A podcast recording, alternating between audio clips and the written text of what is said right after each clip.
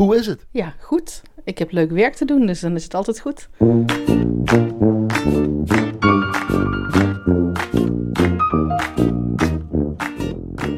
Een lid van het team van specialisten en archeologen die momenteel uitgebreid onderzoek doet naar de Romeinse villa in Voerendaal is aardewerkspecialist Esther van der Linden. Hier in Nijmegen en omschrijf even wat we zien vanuit jouw werkplek.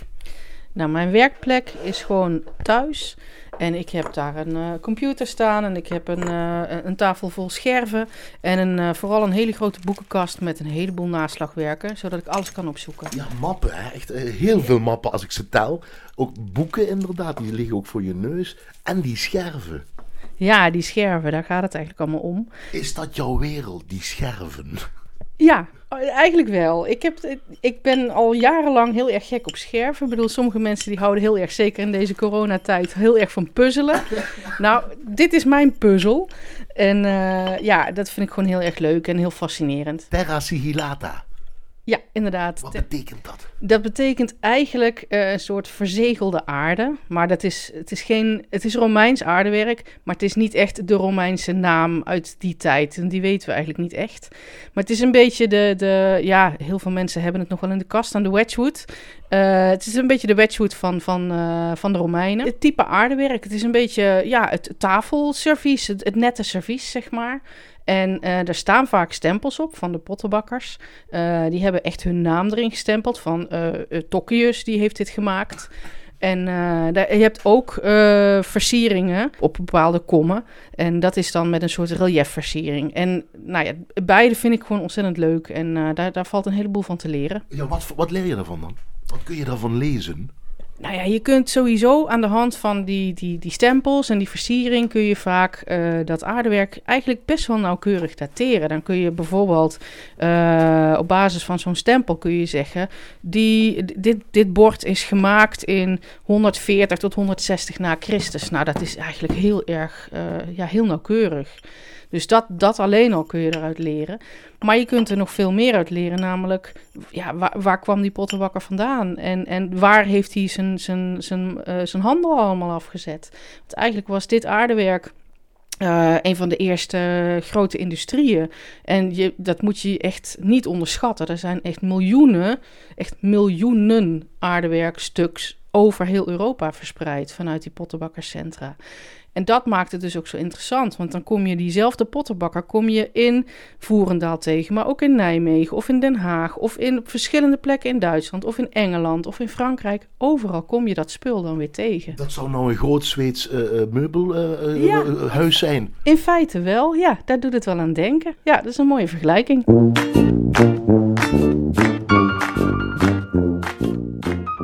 Nou, ik heb er nu hier eentje in mijn handen en dat is van een pottenbakker Tokkius. En uit die Villa Voerendaal, hè? Uit die Villa Voerendaal, ja. Agrarisch groot bedrijf was dat. Precies, ja. Het was natuurlijk... Bij, bij Villa denken mensen meestal aan een soort luxe oord. Ja, dat was het ook wel. Die man die had, die had uh, de zaken goed voor elkaar. We hebben het over welk jaar? Nou, 100 na Christus. En als ik naar het aardewerk kijk, dan zie ik eigenlijk de hele tweede eeuw... en een beetje de derde eeuw na Christus. Uh, maar we hebben ook wat later Romeins, dus het loopt nog wel langer door. Is het zoeken naar die bijzondere andere naam?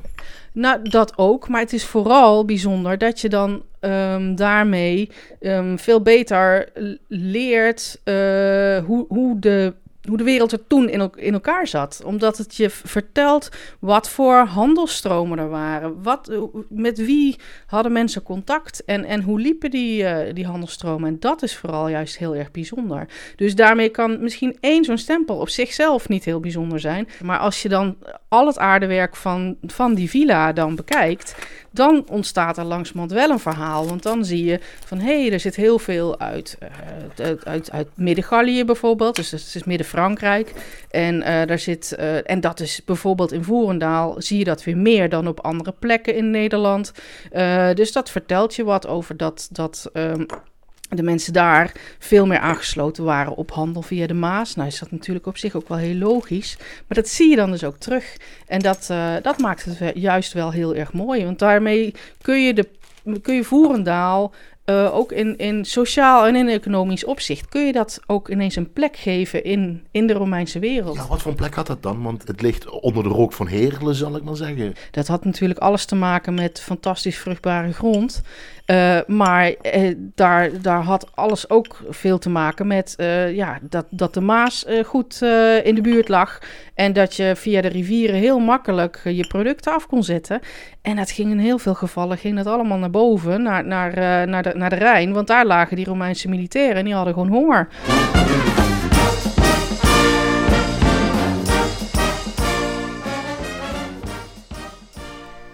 En hier heb ik hem. En wat ben je mee met dat vloeitje bij je op dat... Ja. In dat boek? Ja. Bladeren? Ja, ik, uh, ik, ik ga echt zo'n heel boek door. En als ik, uh, uh, zoals hier met een scherf van Tokkius...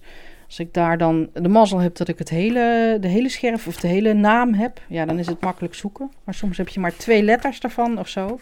En dan moet je eindeloos over plaatjes heen. En dan ga ik het echt precies na zitten meten. En dankzij die kopie die ik heb gemaakt met zo'n vloeitje en dat uh, grafietpoeder, kan ik dat heel makkelijk doen. Dan leg ik het er echt letterlijk bovenop. En dan kan ik precies letter voor letter meten of die afstanden kloppen. Of uh, het kader waarin zo'n stempel staat, of dat helemaal perfect klopt. Ik zat nu naast je en je deed dat. Ja. En ik had, een, ik, had, ik had een soort van geluksgevoel. Van ja. wauw, we hebben nou iets wat heel oud is. Ja, ja, ik... Teruggevonden in een boek. En het klopt. Ja, ik ben zo blij met die boeken. En dan heb ik daar echt zo'n bingo gevoel gewoon. Ja, dat is echt geweldig. Ja. Kiem, zeggen we in Limburg. Ja, ja, ja, dat, dat, ja, dat is gewoon hartstikke leuk. Daar word ik altijd weer blij van. Wat zie jij wat wij niet zien? Ja, dat klinkt heel raar misschien, maar ik zie ook een beetje de mens achter zo'n stempel. En dat vind ik altijd heel erg leuk. Daarom ben ik ook zo gek op die Terra Sigillata.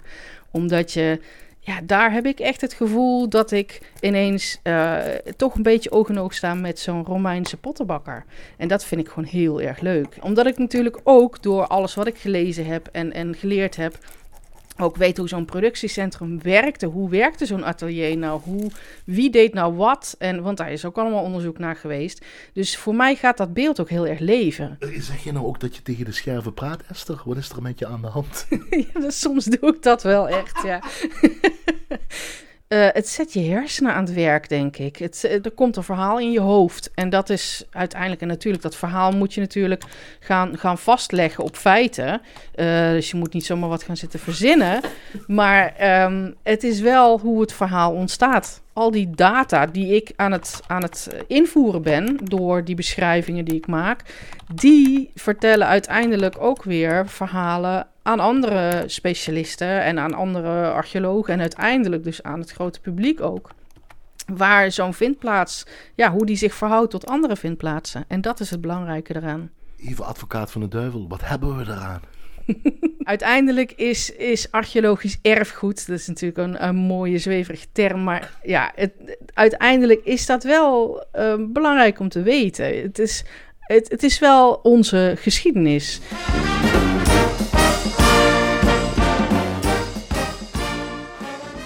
Had je dan liever toen willen leven of toch nu? Um, nou, ik denk toch stiekem wel nu.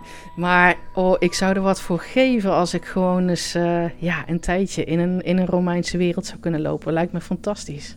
In een tijdmachine die we moeten maken en dan kunnen gaan waar je heen wil. Ja, dat lijkt me geweldig. Ja, echt. Als dat zou kunnen, dan uh, sta ik vooraan. Waarom doe je dit? Uiteindelijk gewoon omdat ik het super interessant vind ik zou mijn leven heel kaal vinden als ik uh, ineens die sigillata niet meer zou hebben hoor. Weet je, ik loop vaak door, door een gebied heen en zeker de gebieden die ik goed ken. Sommige mensen kijken me dan wel eens raar aan van... Um, ik weet dan vaak beter wat er ondergronds gebeurt dan wat er bovengronds gebeurt. Ja, dan weet je van nou, daar en daar liggen die, die villa's. En andere mensen weten dat natuurlijk dan helemaal niet. En ik kijk daar echt met een heel andere blik naar. Dus, dus ik zit inderdaad met mijn hoofd onder de grond. En uh, andere mensen zitten, ja, die kijken gewoon uh, naar het, het, dorpje dat er bovenop staat. En uiteindelijk voor de toekomst, ja, weet je, wij worden uiteindelijk ook archeologie. Kijk, ik zit altijd in feite in de vuilniszakken van de Romeinen te, te, snuffelen. Maar ja, over 2000 jaar zitten ze bij ons ook in de stort te kijken. Waarom zal je dit vak blijven uitoefenen? Dit is gewoon het mooiste vak dat er is, vind ik. Het verbindt het verleden met het heden. En dat vind ik gewoon heel erg mooi.